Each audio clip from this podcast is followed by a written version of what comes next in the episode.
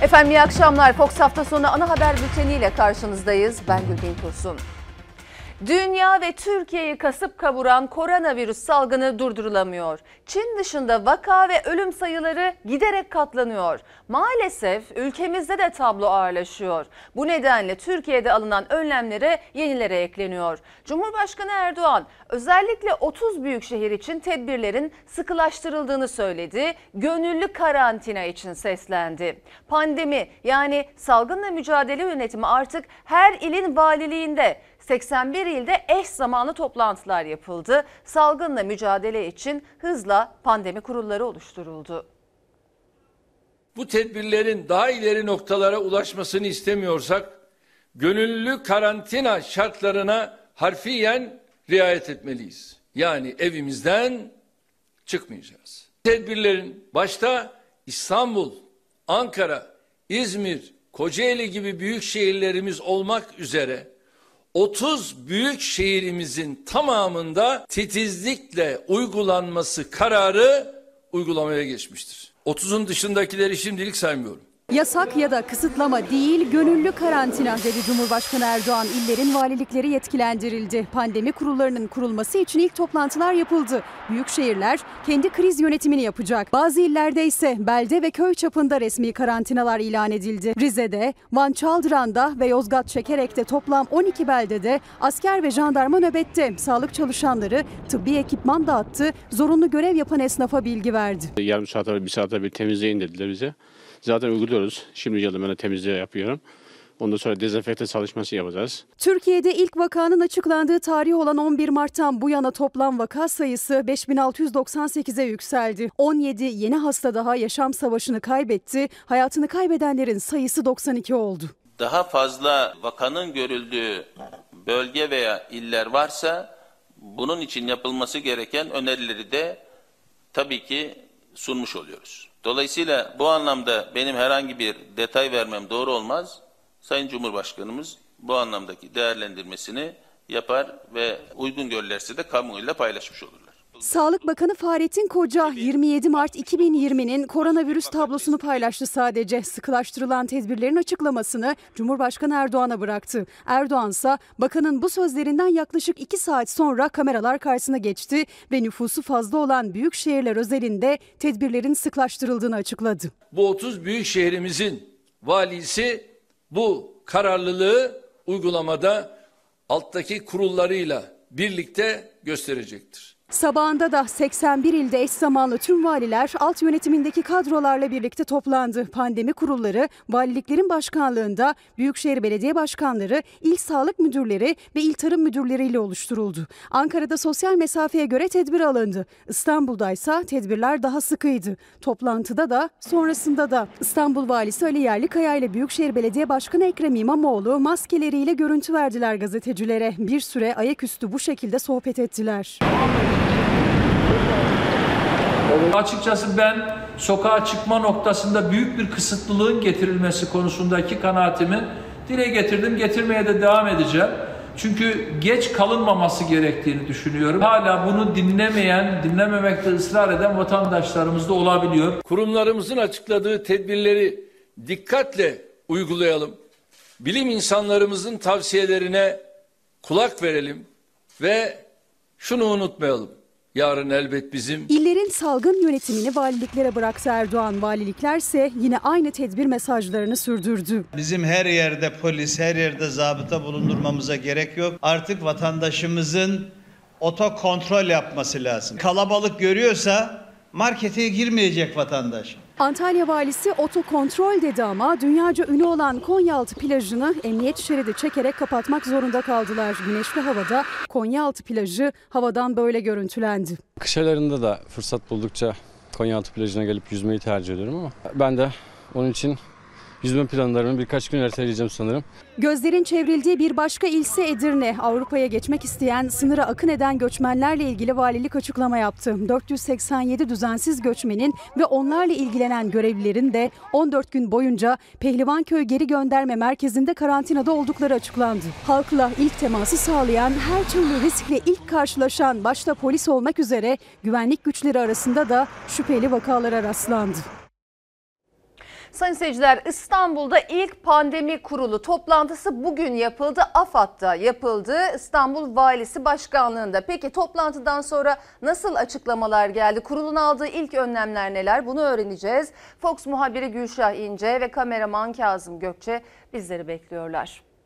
Gülşah bu önemli toplantıda neler konuşuldu diyelim Aslında- hemen seni dinleyelim. Gülbin Tosun aslında e, kameraların karşısında resmi bir açıklama henüz yapılmış değil. Zaten toplantılarda basına kapalı olarak gerçekleştirilmişti. Önemli büyük şehirler önemli büyük şehirlerde ama İstanbul'da da yine benzer bir aslında yol çizildi. İki toplantı yapıldı. Önemli toplantı yapıldı büyük şehirlerde. İlki zaten dün akşam Cumhurbaşkanı Erdoğan'ın açıklamalarının ardından cumartesi olmasına rağmen mesai günü olmamasına rağmen valiliklerde kritik toplantılar vardı. Haberde de izlediniz zaten o toplantılara Büyükşehir Belediye Başkanları İl Sağlık Müdürleri ve Tarım İl Müdürleri de katıldı. İlk toplantı bu şekildeydi. İstanbul'da saat 9'da yapıldı ilk toplantı ve yaklaşık 2 saat sürdü. Her ilin tabii kendi içinde farklı dinamikleri ve nüfus özellikleri de farklı olduğu için İstanbul'da e, Cumhurbaşkanı Erdoğan'ın bahsettiği bu sıkılaştırılması gereken kuralların nasıl olması gerektiğine ilişkin önemli kararlar alındı ama o kararlar neler önümüzdeki günlerde aslında resmen de açıklanmış olacak. Çünkü İstanbul'un aslında altını çizmekte de fayda var. Çünkü toplantıda özellikle bunun da altı çizildi. TÜİK ve Avrupa İstatistik Ofisi'nin ortak yayınladığı bir rakam vardı. İstanbul'un en kalabalık 10 ilçesinin nüfusu 22 Avrupa ülkesi Avrupa ülkesinden fazla. İşte bu nedenle İstanbul üzerinde de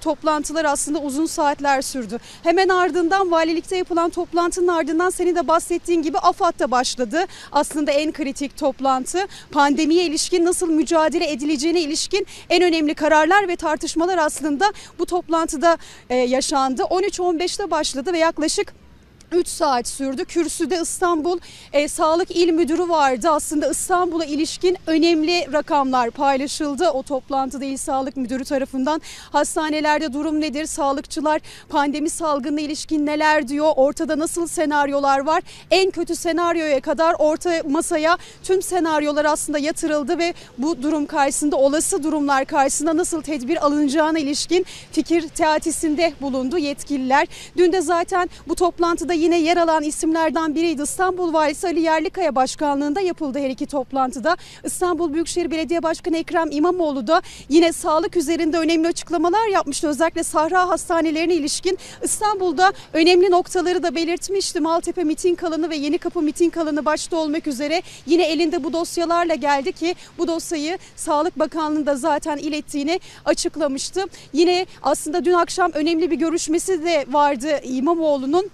Avrupa'da ve Amerika'da Roma, Milano, Paris, Los Angeles ve Rotterdam başta olmak üzere 40 önemli şehrin yerel yöneticileriyle, belediye başkanlarıyla telekonferans yöntemiyle görüştü ve onların pandemiye karşı nasıl mücadele ettiği konusunda bilgiler aldı ve bu bilgilerle işte aslında bugün de toplantıya girildi ve haberde de zaten belirttiğimiz sesinde de olduğu gibi İmamoğlu yine İstanbul'da özellikle sokağa çıkma konusunda kısıtlama konusunda yine geri adım atmış değil bu fikrini de ortaya koydu. 11 Mart'ta ilk vaka açıklanmıştı. 28 Mart bugün 17 günün sonunda pandemiye karşı acil eylem planı oluşturulması için bugün düğmeye basıldı. Önümüzdeki günlerde de bu toplantıların devamının gelmesini bekliyoruz. Çünkü açıklanan sayılara, vaka sayısına, hayatını kaybedenlerin sayısına göre ve İstanbul'daki duruma göre de aslında bu toplantılar biraz seyrini belirlemiş olacak.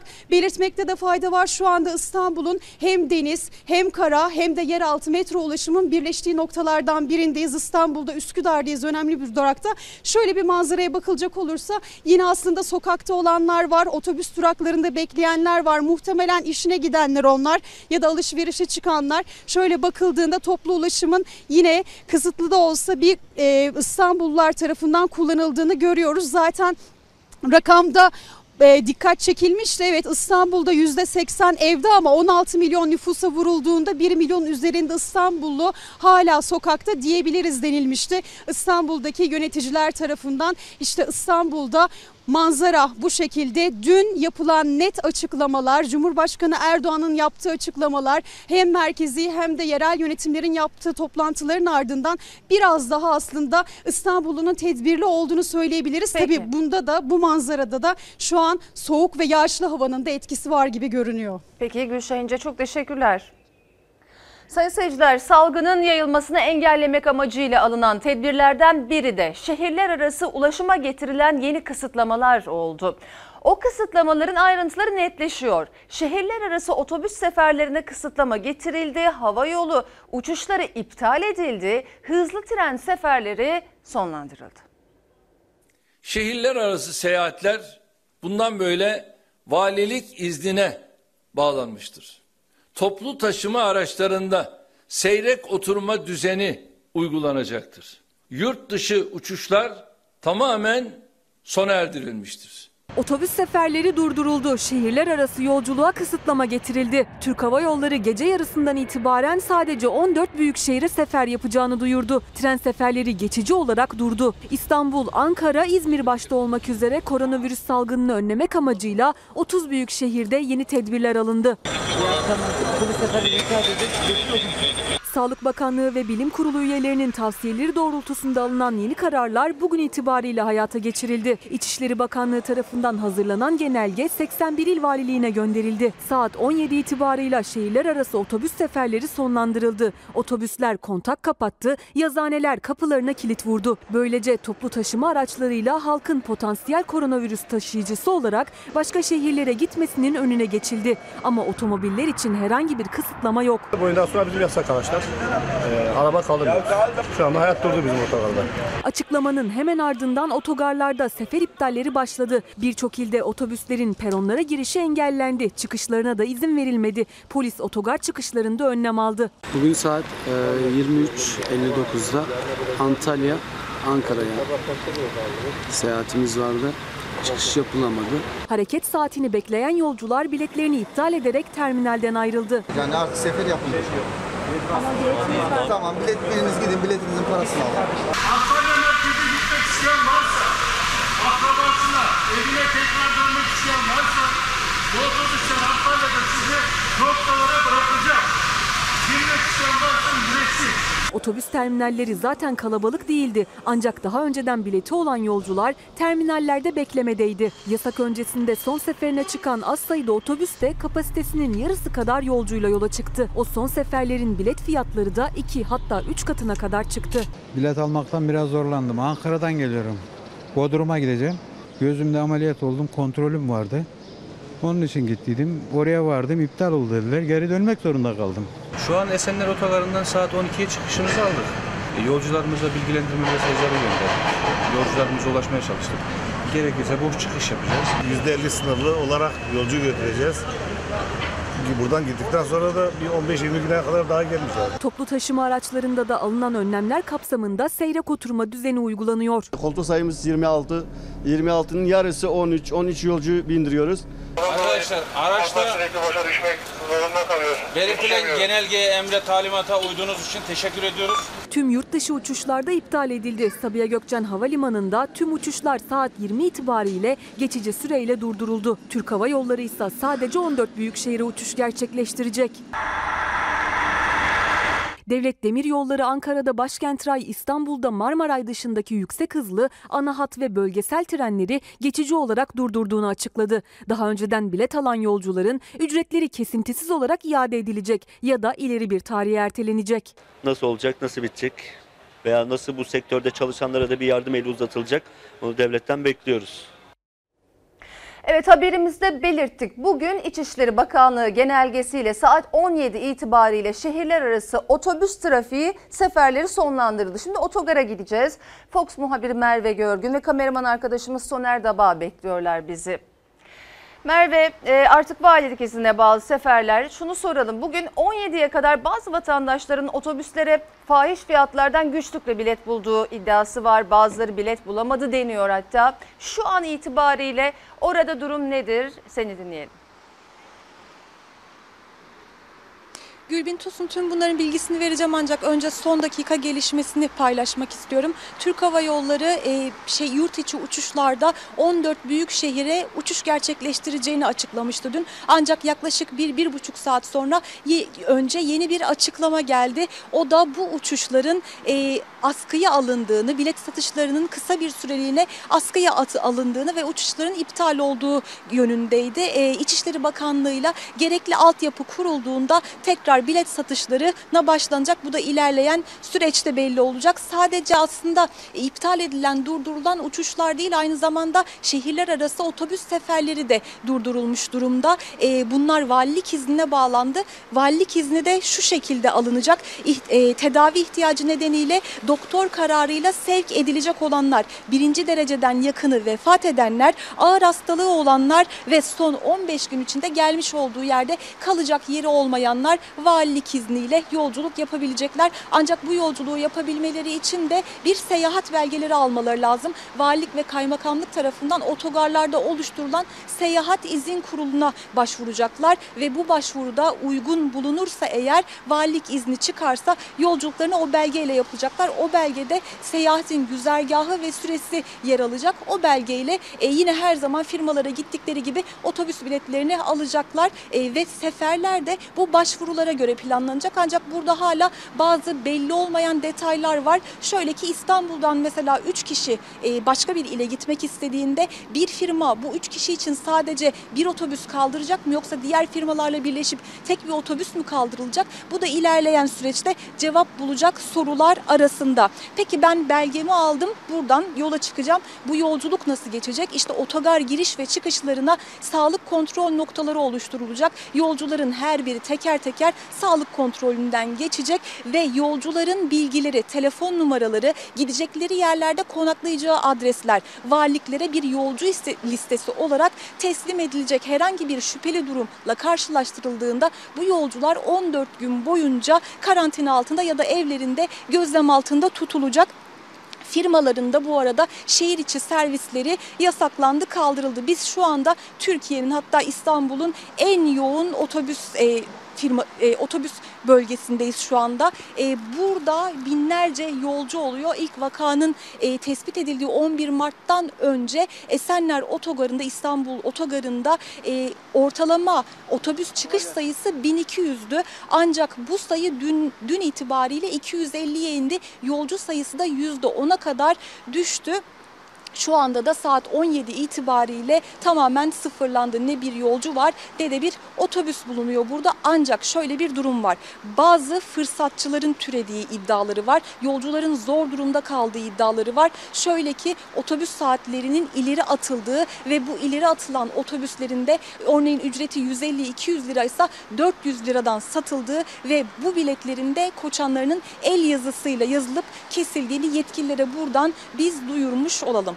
Peki Merve Görgün çok teşekkürler. Bu arada Merve Görgün otobüs trafiği ile ilgili e, alınması gereken seyahat belgelerini aktardı ama yeni bir bilgi var. Uçak yolcuları için de bu belgeyi almak zorunlu hale getirildi. Yarın sabah 6 itibariyle yarın sabah saat 6 itibariyle uçak yolcuları da artık seyahat belgesi alma zorunluluğu e, taşıyacaklar. Devam ediyoruz. Salgın yayıldıkça yeni önlemler de hayata geçiriliyor. Artık hafta sonları sahiller ve piknik alanlarında zorunlu olmadıkça bulunmak yasak. Uygulamayla birlikte sokaklarda neredeyse boşaldı. Yasağa uymayanlarsa polisin sıkı takibi altındaydılar. Cezadan kurtulamadılar. Hayati tehlike yaşamamak için lütfen zaruri ihtiyaçlarımız olmadığı sürece sokağa çıkmayalım, evde kalalım. Yürüyüş yapmak yasak. Biliyorsunuz değil mi? Sahilde yürüyüş yapmak, bisiklet sürmek, burada koşu yapmak hepsi yasak. Salgına karşı önlemler genişletildi. Artık sahillerde, mesire ve piknik alanlarında zorunlu ihtiyaçlar dışında bulunulamayacak. Yasakla beraber polis de nöbete başladı. Cezalar peş peşe geldi. Sahilde yürüyüş yapan, bisiklet kullanan, spor yapan herkes polis tarafından durduruluyor. Kimlik kontrolüne tabi tutuluyor. Eğer yasağa aykırı davranışta bulunuyorlarsa cezai işlem uygulanıyor. Yasalara aykırı davrandığı için ceza işlem uygulanacak. Sahil boyunca yani koşu yapmak, spor yürüyüşü yapmak, bisiklet sürmek bunlar yasak. İçişleri Bakanlığı'nın yayınladığı genelgeye göre sahil bantları, mesire ve ören yerlerinde Piknik alanlarında piknik yapmak, balık tutmak, spor ve yürüyüş yapmak yasaklandı. Şimdilik sadece hafta sonları geçerli ama gerekli görülürse yasak genişletilebilecek. Ceza yazıldı evet. Ne kadarlık bir ceza? Bilmiyorum tutarını eve gönderecekler. Ben ihtiyacım olan şeyi almaya gidiyorum diyorum. TC'nizi söyleyin. Bana niye ceza yazıyorsunuz hanımefendi? Yasağın uygulanmaya başlamasıyla beraber İstanbul'da neredeyse bomboştu sahil şeridi. Ama yasağı ihlal edenler de var. Cezadan kurtulamadılar. Sahi işler. Tüm sportif faaliyetler ve balık tutmak vesaire yasaklandı. Spor yapmıyorduk, yürüyorduk. Genelge sahil şeridinde balık tutulmasını da yasaklıyor. İstanbul'un o en bilindik manzarasından eser kalmadı artık. Ama tüm dünyada yaşananlara rağmen salgın riskini anlamakta zorlananlar da vardı. Yasaklandı haberimiz ufak tefek duyduk ama ne yapalım yani. Geldik belki yarım kilo polisler gene kadar yarım kilo bir kilo çekersek çekip gideceğiz. Kovana kadar buradayız yani ne yapalım yani. Tamam salgın var ama yani bu kadar fazla abartmaya gerek yok. Yasakla beraber sahil şeridinde artık balık tutulamıyor. Sahiller neredeyse boş kaldı. Polis ve zabıta sürekli nöbet tutuyor sahillerde. Ama hobisinden vazgeçmek istemeyen balıkçılar bir yolunu buluyor. Hafta sonları neredeyse yer kalmayan Belgrad Ormanı'nda artık sessizliğe büründü. Giriş çıkışlar kapatıldı. Piknik veya spor hayaliyle gelenler de dönmek zorunda kaldı. Cumhurbaşkanı Erdoğan'ın dün akşamki açıklamaları öncesinde kısmi ya da şehir bazı sokağa çıkma yasağı ilan edilebilir mi sorusu gündemdeydi. Erdoğan bir kez daha gönüllü karantinanın altını çizdi. Şehirler arası seyahatlerdeki sınırlamadan özel sektörde esnek çalışma sistemine geçilmesinin de içinde olduğu 7 tedbir açıkladı. Kılıçdaroğlu ise geniş, yaygın bir sokağa çıkma yasağı ve karantina istedi. Sorun evde kal aşamasından evde tut aşamasına geçmiştir dedi.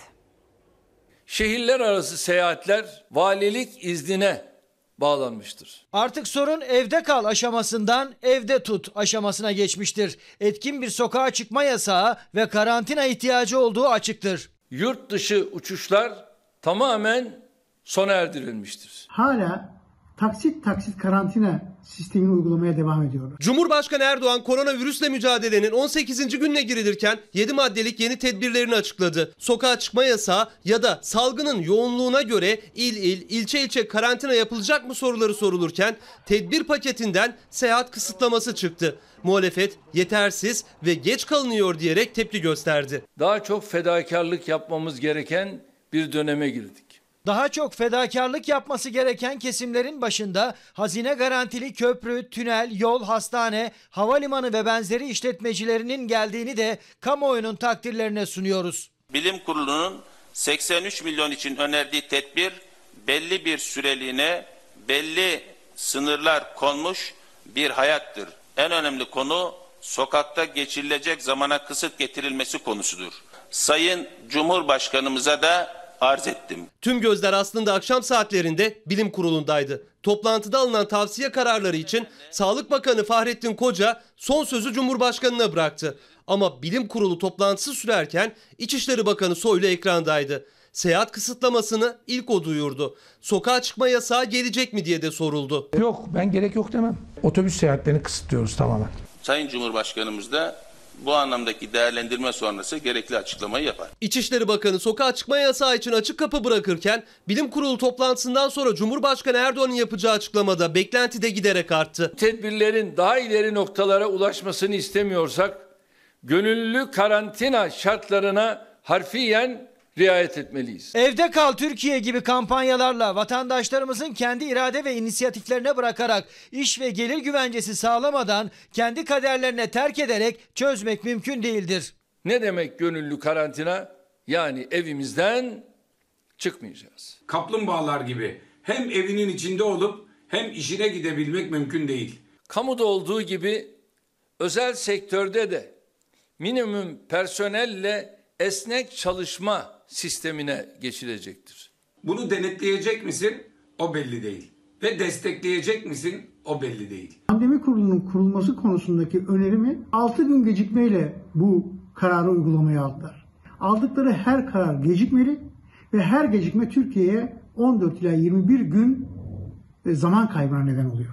Bilim kurulu yerine şahsı bilir kurulu gündeme gelirse bugüne kadar bilim kurulunun yaptığı bunca çalışma verdiği bunca emek de boşa gitmiş olur. Erdoğan'ın gönüllü karantina ifadesi de açıkladığı diğer tedbirlerde muhalefeti tatmin etmedi. Koronavirüsle mücadelede de şeffaflık istedi muhalefet. Artık şehirden şehire geçiş engellendiğine göre şeffaf bir şekilde hangi ilçelerde tehlike büyük bunların Türkiye'de de açıklanması gerektiğini düşünüyoruz. Sayın Bakan %63 yoğun bakımlarda doluluk oranına ulaşıldığını söyledi. Yoğun bakım yatak sayısı 25.400 kişi ise o halde yoğun bakımlarda 16.000 hasta yatıyor demektir. Sıcak bir gelişme var paylaşalım. İçişleri Bakanı Süleyman Soylu açıkladı. 81 ilin giriş çıkışlarında polis noktaları oluşturulduğunu söyledi. Hatta bu açıklama yaparken o noktalardan birindeydi İçişleri Bakanı. Ee, herkesin merak ettiği sorulardan birisi özel araçlara bir kısıtlama getirilip getirilmediği. Ee, bunu açıklığa kavuşturalım. Özel araçlara bir kısıtlama yok. Şunun haricinde yine Süleyman Soylu dedi ki otobüsler dışında bu polislerin e, noktalarında polislerin oluşturduğu kontrol noktalarında otobüsler dışında özel araçlar da durduruluyor ve sağlık taraması yapılıyor. Ateş kontrolü yapılıyor, sağlık taraması yapılıyor. Bu anlamda otobüs ve özel araçlar arasında bir fark yok. Onu belirtelim. Sayın seyirciler hastalığın tespiti için kullanılan test kitleri sadece belli hastanelerde var ve parasız. Bunu Sağlık Bakanı bir kez daha açıkladı ama sosyal medyada satışa çıkaranlar olduğu iddia edildi. Onlardan biri de AK Partili milletvekilinin oğlu.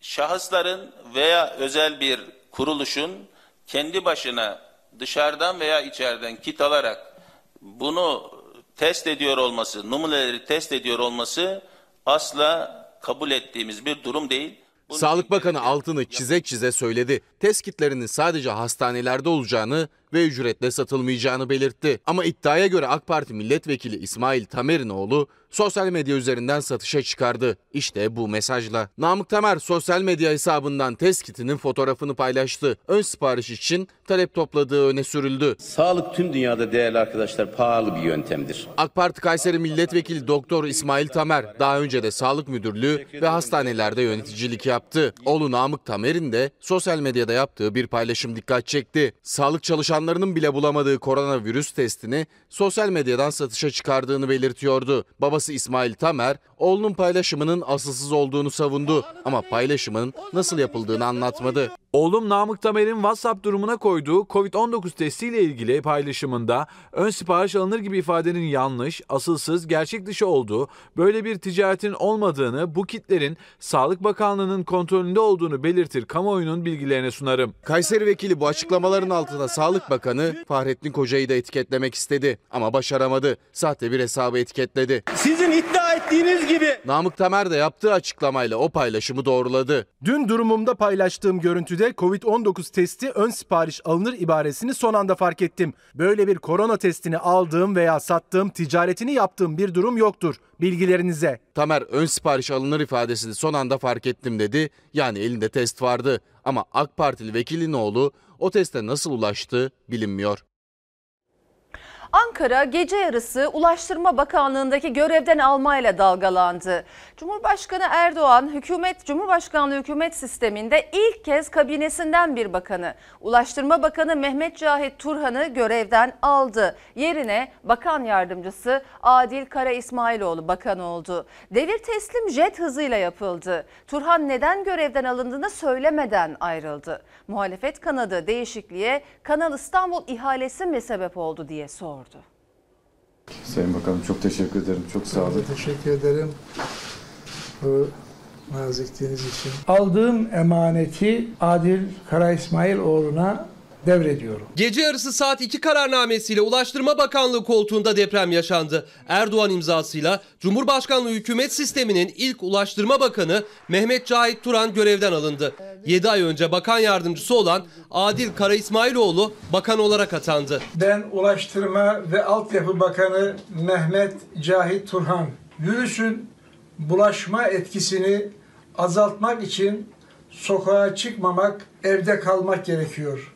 İki gün önce kameralar önündeki son sözlerini Evde Kal kampanyası için söyledi. Son icraatını Kanal İstanbul ihalesi için yaptı. Korona günlerinde Eldivenli maskeli görevliler tarafından yapılan o ihale millet can derdinde iktidar rant sloganıyla tepkilerin odağı oldu. İhale yapıldı. Şimdi acelesi var mıydı? Millet can derdinde. İşçi, emekçi evine ekmek götüremiyor. Bunların tek derdi var. Para, para, para, rant, rant, rant. Bu işin sorumlusu Recep Tayyip Erdoğan tek adamdır. Yoksa bakan gelir, bakan geçer. Turan tepkiler üzerine ihaleyi devam eden bir sürecin önceden planlanmış parçası. Türkiye Cumhuriyeti salgınla mücadele ederken yatırımları da yapacak güçtedir sözleriyle savundu. Ama tepkiler dinmedi. İddialara bakılırsa Kanal İstanbul ihalesinin yapılmasına karşı çıkmış. O nedenle görevden alınmış. Bu doğru mu değil mi bunu önümüzdeki günler gösterir. Ama ben bunu çok önemli görmüyorum. Bir sekreter gitmiş, bir başka sekreter gelmiş. Kimse Kanal İstanbul ihalesini Recep Tayyip Erdoğan'a rağmen o istemeden yapmaz. Ama o istemeden bir şeyler yaptıysa onun cezası da sabaha kalmaz. Cahit Turan'ı bakanlık koltuğundan eden Kanal İstanbul etki alanı içindeki iki tarihi köprünün taşınması ihalesinin koronayla mücadele günlerinde yapılması mıydı ya da etkisi ne kadar oldu? İktidar kanadı sessiz. Çorlu'da tren kazası oluyor 25 kişi ölüyor. Ankara'nın göbeğinde tren kazası oluyor 9 kişi ölüyor. Ulaştırma Bakanı kılını kıpırdatmıyor ve ne zaman görevden alınıyor? Beğendiği bir müteahhide mi vermedi ihaleyi? 9 Temmuz 2018'den bu yana Ulaştırma Bakanlığı koltuğunda oturan Cahit Turan 2 yıla yakın bakanlık dönemi boyunca tartışmaların odağından hiç düşmedi. 25 yolcunun hayatını kaybettiği Çorlu tren kazasından bir gün sonra koltuğa oturdu. Kazanın tartışmaları dava süreci ve 9 kişinin hayatını kaybettiği Ankara tren garı kazası onun döneminde yaşandı. Sinyalizasyon sistemi demiryolu işletmeciliği için olmazsa olmaz bir sistem değil. Kanal İstanbul projesini savunurken boğazlardan geçen gemi trafiğini anlatmak için yeğenini referans göstermesi de hafızalarda yer etti. Üsküdar'dan Beşiktaş'a geçen yeğenim söyledi. Önceden geçen yıl 15 dakikada geçiyorduk. Bu sene yarım saati buluyor e, karşıdan karşıya geçmek. Mehmet Cahit Turan Ulaştırma Bakanlığı koltuğuna korona günlerinde Kanal İstanbul ihalesi yapan isim olarak veda etti. Yerini kendisi gibi Trabzonlu olan Adil Kara İsmailoğlu aldı. Bu zor, zor süreçte e, bizi bu göreve layık gören Sayın Cumhurbaşkanımıza layık olmak için elimizden gelen her şeyi yapacağız. Covid-19 bulaşmasını önlemek için cemaatle namaz ve cuma namazı geçen hafta durdurulmuştu. Bu hafta Diyanet İşleri Başkanı'nın bir grupla Beştepe'deki Millet Camii'nde cuma namazı kılması VIP cuma namazı tartışması başlattı. Diyanet İşleri Başkanı'na AK Parti içinden de Cumhur İttifakı ortağı MHP'den de tepki var. Muhalefet ise Diyanet İşleri Başkanı'nın istifasını istedi. Allahu Ekber. Yazıklar olsun diyorum. Diyanet İşleri Başkanlığı'nı kınıyorum. VIP cuma görüntüleri hiçbir şekilde kabul edilemez. Bu Diyanet İşleri Bas- Başkanı aslında çoktan istifa etmiş olmalıydı. Umre skandalının müsebbibidir. Şimdi de VIP namaz icat etmiştir. Camiler kapatılmışken bunların bunu yapması hakikaten akıl tutulması gibi bir şey. Millet can derdinde, bunlar şov derdinde. Diyanet İşleri Başkanı Ali Erbaş, Beştepe'deki Millet Camii'nde özel oluşturulan cemaatle kıldırdığı cuma namazıyla sert tepkilerin hedefi oldu. Koronavirüs salgını nedeniyle camilerde toplu ibadetin kaldırıldığı kritik süreçte Cumhurbaşkanlığı Külliyesi'nin içindeki camide özel cemaatle kılınan namaz VIP cuma eleştirilerine yol açtı. Ayıp bir şey. VIP cuma, özel davetle cemaat oluşturma falan. Dine tamamen aykırı, yalan yanlış bir iş. Hem hastalığa yakalanmamak hem de hastalığın yayılmasını önlemek için gayret göstermeliyiz. Hayırdır hacı? Cuma millete farz olmaktan çıktı da bir tek size mi farz? Moral böyle verilmez. Aklımızla dalga geçmeyin. Size tavsiyem evden çıkmayın. Allahu Ekber. Cuma hutbesinde de vatandaşları ölümcül salgına karşı duyarlı ve sorumlu davranmaya davet eden Erbaş'ın moral amaçlı diyerek canlı yayın eşliğinde kıldırdığı namaza en sert tepkilerden biri de AK Parti cephesinden Mehmet Metiner'den geldi. Kendileri sağlık gerekçesiyle cuma ve vakit namazlarını yasakladılar. Hepimiz harfiyen uyduk, uyuyoruz. VIP cuma görüntüleri hiçbir şekilde kabul edilemez. Salgın tehlikesi bitinceye kadar belirlenen çok az sayıda cemaatimizle cuma namazı eda edilecektir. Sanki Cumhurbaşkanımız oradaymış, o istiyormuş diye böyle bir cuma namazı kılında algısı oluşturmak siyasetine de yönelik bir suikast girişimi değil de nedir? Ağır eleştiriler, istifa çağrıları birbiri ardına gelirken cuma namazı üzerinden şov yapmakla eleştirilen Diyanet İşleri Başkanı Ali Erbaş'a çevrildi gözler. Hem kamu vicdanı hem Allah bunları affetmeyecek. Cuma namazlarının tekrarının salgınsız günlerde gönüllerin istediği gibi olacağı güne kadar din adamlarının şov yapmayı bırakmaları lazım. İktidar koronavirüsle mücadelede alınan tedbirleri daha da sıkılaştırdı. Evden çıkmayın diyor ama özellikle büyük şehirlerde hala milyonlarca insan çalışmak zorunda. Ankara Büyükşehir Belediyesi su faturaları için adım attı. Öğrenci evleri ve iş yerlerine Nisan ayında fatura gitmeyecek. Evlerde ise geçen ayın faturasından %20 daha az alınacak. Merkez Bankası ile Bankacılık Düzenleme ve Denetleme Kurumu da kart faizleri ve asgari ödeme tutarları ile ilgili indirime gitti. Acilen yapılması gereken şeylerden bir tanesi vatandaşa doğrudan gelir desteğini sağlanması. Evde oturmak mümkün mü işsizken? Nasıl oturalım? Aç mı oturacak? İşiniz yok ama elektrik faturanız geliyor, işiniz yok, doğalgaz faturanız geliyor. Bunların ötelenmesi lazım. İlk adım Ankara Büyükşehir Belediyesi Başkanı Mansur Yavaş'tan geldi. Yavaş salgınla mücadele döneminde iş yeri ve öğrencilerin su faturalarını bir ay ötelediğini duyurdu. Konutlardaysa Nisan ayı faturaları %20 indirimli. Sayaç okuma ve dağıtım işlemleri geçici olarak durdurulmuştur. Yaşanan olağanüstü dönem sona erdiğinde tüm abonelere normal faturalandırma yapılacak. Bu dönemde geçici faturalandırılmış miktarlar toplam miktardan mahsuplaştırılacaktır. Sadece yerel yönetimlerin sınırlı imkanlarıyla olacak bir şey değil. Elektrik, doğalgaz e, gibi faturalar yani ötelenmesi. İki aydır maaş alamıyorum. Elektriğim, suyum, doğalgazım, kredim var. Nasıl ödeyeyim? Elektrik faturalarında 2020 yılı Nisan, Mayıs, Haziran aylarına yönelik herhangi bir fiyat artışı söz konusu değildir. Zam yapmayacağız demek bir önceki ay ödediğiniz kadar ödeyeceksiniz demek. Oysa bir önceki ay sahip olduğunuz gelire sahip değilsiniz. Şu an kirayı nasıl ödenecek? Kredimiz var. Nasıl ödeyeceğim? Bir. ikinci su, elektrik, doğalgaz. Ailelere vatandaşlık geliri adı altında minimum asgari ücret kadar olmak üzere e, bu dönem atlatıncaya kadar bir gelirin her ay sadece bir defaya mahsus bin liralık ödemeden bahsetmiyorum ödenmesi gerekir. Finansmanda çok rahatlıkla sağlanabilir. Ekonomi profesörü Yalçın Karatepe'ye göre devletin geliri olmayan kişilere vereceği fatura, kira ve gıda desteği için gerekli para bütçede yoksa bile bulmanın formülleri var. Devlet Merkez Bankası'ndan doğrudan borçlanabilir. Bunun tam e, karşılığı Merkez Bankası para basıp devlete verebilir ve bunu da kullanabiliriz. Bu bu dönemde enflasyona yol açmaz çünkü zaten talep durmuş durumda. İnsanlar sokağa çıkıp harcama yapacak imkanlar yok. Herkes kredi kartıyla dönüyor. E bu bir müddet sonra patlayacak. Çünkü girdi yok. Para girmedikten sonra siz bile maaşınızı almadıktan sonra ne kadar idare edebilirsiniz kendinizi?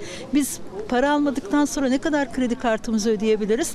Koronavirüsle mücadele döneminde geliri olmayan ya da azalan pek çok kişi kredi kartına her zamankinden daha çok sarıldı. Merkez Bankası ekonomik daralma döneminde kredi kartı faizlerinde indirim yaptı. Aylık kredi kartı faizi %1,40'tan 1,25'e, gecikme faiz oranı ise %1,70'den 1,55'e indi. BDDK'da kredi kartı asgari borç ödeme tutarını borcun %30'undan %20'sine çekti. Gıda güvenliği daha büyük önem kazanırken bir yandan da mevsimlik tarım işçilerinin en yoğun olduğu dönem başladı. Ancak zaten sağlıksız koşullarda çalışmak zorunda bırakılan mevsimlik işçiler için koronavirüse karşı henüz bir önlem alınmış değil. CHP Adana Milletvekili Burhanettin Bulut mevsimlik işçileri ziyaret ederek yaşadıkları koşulları gözler önüne serdi. Meclise de soru önergesi verdi.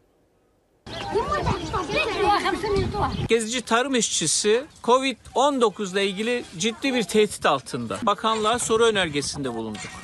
Bu konuda bir acil eylem planınız var mı? CHP'li vekil Sağlık Bakanı'na mevsimlik tarım işçilerinin durumunu sordu. Tarım işçileri için koronavirüse karşı acilen bir eylem planı oluşturulmasını istedi. Burada yaşayan insanları temiz suya erişimi hangi durumda?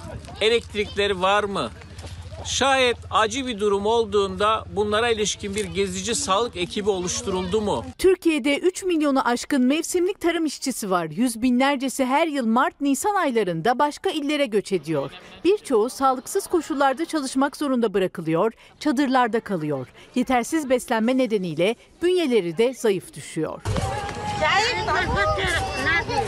Tüm dünyada olduğu gibi Türkiye'de de koronavirüse karşı her geçen gün tedbirlere bir yenisi ekleniyor ama mevsimlik tarım işçileri için henüz bir önlem alınmış değil. İzolasyonu her tarafta yapmak lazım. Sadece kentte değil, kırsalda, tarım işçilerinde, çadırda, her yerde bu izolasyonu sağlamamız gerekiyor. CHP Adana Milletvekili ve aynı zamanda CHP Koronavirüs İzleme Komitesi üyesi olan Burhanettin Bulut mevsimlik işçileri ziyaret etti. Tarım işçilerinin koronavirüs riski altında olduğunu söyledi. Traktör arkasında ya da servislerde iç içe bir seyahat halindeler. Su, elektrik sorunları var. Bir çadırda 7-8 kişi birden yaşıyor. CHP'li Bulut işçilerin yaşadığı koşulları meclis gündemine de taşıdı. Salgını tarım işçisinden uzak tutmak için bir önlem alınıp alınmadığını sordu.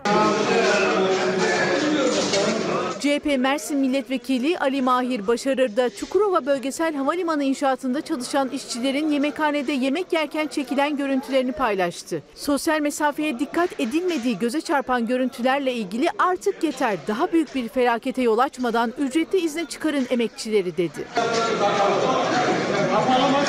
Şehirler arası seyahatlere getirilen kısıtlamanın ardındansa iddiaya göre İstanbul'da bir otel inşaatında çalışan işçiler ücretleri ödenmeden memleketlerine gönderildi. Adana var mı Adana? İşçiler apar topar çıkartıldı. Şu an herkes memleketlerine gönderiliyor. Yetkililerin evde kal çağrısı üzerine pek çok vatandaş yazlık beldelerdeki evlerinin yolunu tuttu ya da tutmaya hazırlanıyor. Ama bu kez de o bölgelerin belediye başkanları diken üstünde gelmeyin diyorlar. Neden olaraksa ilçelerin sağlık imkanları ve hastane kapasitelerini gerekçe gösteriyorlar. Acil bir durum. Ben İstanbul'dan veya yazlığım olsa yazlığıma gitmem. Bizim gibi sahip kentlerinin kapasitesi belli. Personel sayımız belli. Sağlık anlamında kapasitesi belli. Lütfen bu bir tatil değildir. Evde kalmadır. Tatil beldelerinin belediye başkanlarından da koronavirüs uyarısı geldi. Büyük şehirlerde yaşayanlar okullara verilen ara ve evde kal çağrılarından sonra yazlıklarına gitmeye başladı. Belediye başkanları ise özellikle sağlık hizmetlerinde ilçelerin yetersiz olduğuna dikkat çekerek gelmeyin çağrısında bulundu. Durum son derece ciddi. Lütfen siz de ciddiye alın. Bodrum'da şu anda pozitif vakalarımız var ve artmaya devam ediyor. Örneğin Muğla, bir kişinin koronavirüsten yaşamını yitirdiği Bodrum, Dalaman, Datça, Fethiye, Köyceğiz, Marmaris gibi gözde tatil beldelerinin bulunduğu ilde Kamu Hastaneleri Birliği'nden alınan verilere göre 13 kamu hastanesi ve toplamda 1432 yatak kapasitesi var. Şehrin ilçelerle birlikte nüfusu zaten 1 milyona yakın. Bir de diğer şehirlerden geleceklerle hastanelerin yükü taşıması imkansız hale geliyor. Bu durumun üstesinden Bodrum olarak gelemeyiz. Gelmemiz çok zor. Ben evinizde daha güvendesiniz. Evinizde kalın. Bodrum'a gelmeyin derken bu kritik noktayı anlatmaya çalıştım. 112 yetmeyebilir. Doktorlar yok. Herkes düşmüş. Hastanelerde, büyük hastanelerde organizasyonlar geliştiriliyor. İstanbul'a en yakın tatil noktalarından Edirne Keşan Belediye Başkanı Mustafa Helvacıoğlu da dikkat çekti hastanelerdeki duruma. 185 yataklı Keşan Devlet Hastanesi'nin hasta yoğunluğunu kaldıramayacağını söyledi. Yazlık bölgelere gelmeyin. Rahat olduğunu düşünüyorsunuz ama hastalanınca gideceğiniz yer yok. Sadece belediye başkanları değil, Antalya'nın Kemer ilçesinde yaşayanlar da aynı mesajı gönderdi. Evde kal. Sağlığınız için buradayız. Lütfen evde kalın. Evde kal. Evde kal. Koronavirüs salgını binlerce kişiyi kendi ülkelerinden uzakta başka ülkelerde yakaladı. Eğitim için Hindistan'a giden ve sınırlar kapatılınca mahsur kalan Seda Yavaş ve onun gibi en az 35 Türk de kurtarılmayı bekliyor. Sürekli polis geliyor diye mi bakıyorum? Çünkü burada sokaklarda polisler insanları coplarla değil sopalarla dövüyorlar. Lütfen uçak gönderin. Lütfen bizi tahliye edin. Burada virüs yayıldığı zaman bizim biz canlı olarak dönemeyeceğiz ülkeye. Daha fazla geç olmadan lütfen bize uçak gönderin.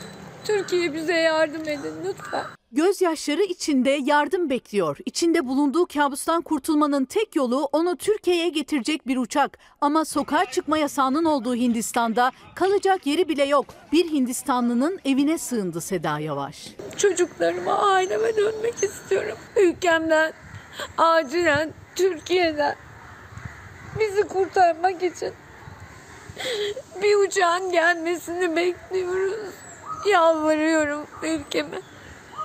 Yapacak biliyorum ben yapacak biliyorum. Büyük bir umutla ama çaresizlik içinde bekliyor. En büyük korkusu koronavirüse hiç bilmediği o ülkede yakalanmak. Sınırlar kapatılıp uçuşlar durdurulunca dünyanın farklı yerlerinde ülkesinden uzakta mahsur kalanlardan biri de 48 yaşındaki iki çocuk annesi Seda Yavaş. Marmaris'te yaşayan suda tedavi terapisti ve eğitmeni Yavaş yılda sadece bir kez yapılan eğitim için Hindistan'a gitti. Dünyanın farklı ülkelerinden terapistler oradaydı. Tek Türk Yavaş'tı. Neşe içinde eğitimini tamamladı, sertifikasını aldı. Ne olduysa 10 gün içinde oldu. Yabancılar hastaneleri otellerinden çıkartılarak zorla götürülüyor. Önce otellerin havuzları kapatıldı ve ülkede koronavirüs yayılmaya başladı. Hemen Türkiye'ye dönmek için harekete geçti Yavaş. 4 saat karayolu, 2 saat uçakla havalimanının bulunduğu Çenayi şehrine geçti. Ancak havalimanının kapısı duvar oldu Yavaş'a. Polis içeri almadı, uçak iptal oldu, o gece sokağa çıkma yasağı geldi. Otellerde kalan yabancılar polis zoruyla hastanelere götürülünce o da polisten saklanarak sokaklarda kaldı. Türkiye bağlantısı bulunan bir Hintli aile Seda Yavaş'a kapısını açtı. Uçağın gelmesini bekliyoruz. Hepimizin aileleri var. Cumhurbaşkanımıza, Dışişleri Bakanı'na güveniyoruz. Bizi burada bırakmayacaklar. Ailelerimize döneceğiz, çocuklarımıza döneceğiz. İnternet üzerinden haberleşen Türkler Hindistan'da mahsur kalan 35 kişiye daha ulaştı. Türkiye'den gelip onları alacak uçağı bekliyorlar. Ancak Dışişleri Bakanlığı'ndan henüz olumlu bir haber alamadılar. Yardım edin, lütfen yardım edin. Sayın seyirciler dünyada işler iyi gitmiyor. İtalya ve İspanya'da bir günde ölenlerin sayısı toplamda 1800'ü geçti. 15 bölgede tam sokağa çıkma yasağı ilan eden Kuzey Kıbrıs Türk Cumhuriyeti'ndense ilk ölüm haberi geldi. Tüm bunlar içinde tek iyi haber Rusya'dan. Kuzey Kıbrıs Türk Cumhuriyeti'nde koronavirüsten ilk ölüm gerçekleşti. İtalya ve İspanya'dan rekor ölüm haberleri geldi. İki ülkede son 24 saatte 1801 kişi hayatını kaybetti. Rusya virüse karşı ilaç geliştirdiğini öne süren ülkeler arasına katıldı. Dünya yeni tip koronavirüs Covid-19 ile mücadelede vaka sayısı 620 bine yaklaştı. Bunun 105 binden fazlası virüsün dünyadaki yeni merkez üssü Amerika'da. Dünya genelindeki ölü sayısı ise 29 bini geçti. Bugüne kadar 61 vakanın tespit edildiği Kuzey Kıbrıs Türk Cumhuriyeti'nden ilk ölüm haberi geldi. Adaya turist olarak gelen 67 yaşındaki bir Almanın hayatını kaybettiği açıklandı. Alman turiste koah ve hipertansiyon rahatsızlığı bulunduğu belirtildi. Her geçen gün virüsün yayılmasının üzerine Başbakan Ersin Tatar hükümeti yeni önlemler aldı. Kuzey Kıbrıs Türk Cumhuriyeti'nin 15 bölgesinde kısmi sokağa çıkma yasağı 7 gün boyunca tam sokağa çıkma yasağına çevrildi. Virüsün Avrupa'da en fazla can aldığı İtalya ve İspanya'da son 24 saatte rekor ölümler gerçekleşti. İtalya'da bir günde 969 kişi hayatını kaybetti. Ülkede ölü sayısı 9100'ü geçti. Bugün açıklanacak rakamlarla can kayıplarının 10 bini bulması bekleniyor. İtalya'da hayatını kaybedenlerden 51'i doktor. Binlerce sağlık çalışanı da enfekte olmuş durumda. Katoliklerin ruhani lideri Papa Francis ise bu kez yeni tip koronavirüs salgınının bir an önce sona ermesi için dua etti. Papa'nın Vatikan'ın ünlü Aziz Petrus Meydanı'nda tek başına dua ettiği görüntüler çok dikkat çekiciydi. Bu arada İtalya'nın salgınla mücadelesine destek için ülkeye giden Rus askeri uzmanlar işbaşı yaptı. Bergamo'da hastaneleri dezenfekte edip İtalyan görevlilere neler yapılması gerektiğini anlattılar. Bir günde en fazla ölümün görüldüğü diğer ülke ise İspanya. Son 24 saatte 832 kişinin öldüğü ülkede toplam ölü sayısı 5690'a ulaştı. İspanyol yetkililer koronavirüsün 10 bin sağlık çalışanına bulaştığını açıkladı. İlk kez Çin'de ortaya çıkan virüsün dünyadaki yeni merkez üssü ise Amerika. Ülkede bilanço ağırlaşıyor. Vaka sayısı 105 bini geçerken bugüne kadarki en büyük can kaybı son 24 saatte yaşandı. 401 kişi koronavirüs nedeniyle öldü. Toplam ölü sayısı 1700'ü aştı. Amerika Başkanı Trump 2.2 trilyon dolarlık ekonomik teşvik paketini imzalayarak yürürlüğe soktu. Ardından salgınla mücadelede yapılanları anlattı. Virüs Amerika'da sağlık alanındaki yetersizliği gözler önüne serdi. Sağlık elemanı eksikliği yaşanırken Trump yedek askerlerin göreve çağrılması için Savunma ve İç Güvenlik Bakanlıklarına yetki verdi. Halen 5 kongre üyesi de hastalıktan dolayı tedavi altında. Amerika'da bir firma ise 5 ila 13 dakika arası sonuç verebilen taşınabilir test cihazı geliştirdiğini duyurdu. Cihaz onay alırken hedef 1 Nisan'dan itibaren ilk etapta günde 50 bin test yapmak. Daha sonra ise bu rakamı ayda 5 milyona çıkartmak. 5 Kremlin çalışanının hastalığa yakalandığı Rusya'dan da bir iddia geldi. Rusya Federal Biyomedikal Ajansı Covid-19'a karşı ilaç geliştirdiğini iddia etti. İlacın salgının gelecekte kontrol altında tutulmasını sağlayacağı öne sürüldü. Dünya Sağlık Örgütü ise dün yaptığı açıklamada yeni tip koronavirüs aşısı için 12 ile 18 ay arası beklemek gerektiğini açıklamıştı.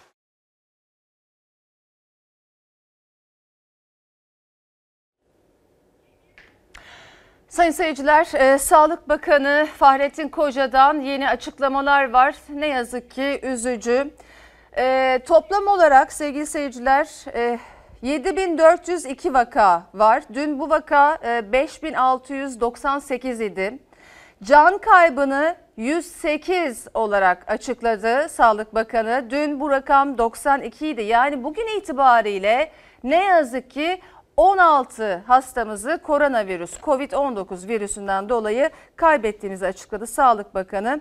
E, bu arada 70 vakanın da iyileştiği bilgisi yine verildi. E, bugün vaka sayısı da 1704 olarak açıklandı. Biraz önce yapıldı. Biraz önce yapıldı bu açıklama. Tekrar etmek istiyorum. E, Bugün itibariyle 16 kaybımız daha var. Dolayısıyla toplam can kaybı 108'e çıktı. Dün 92 kişi vatandaşımızı toplamda kaybetmiştik dün itibariyle. Bugün şu dakikalar itibariyle açıklanan rakam 108. Yani 16 e, hastamızı e, ne yazık ki kaybettik. Toplam vaka sayısı da 7402'ye ulaştı. Dün bu rakam 5968'di sevgili seyirciler.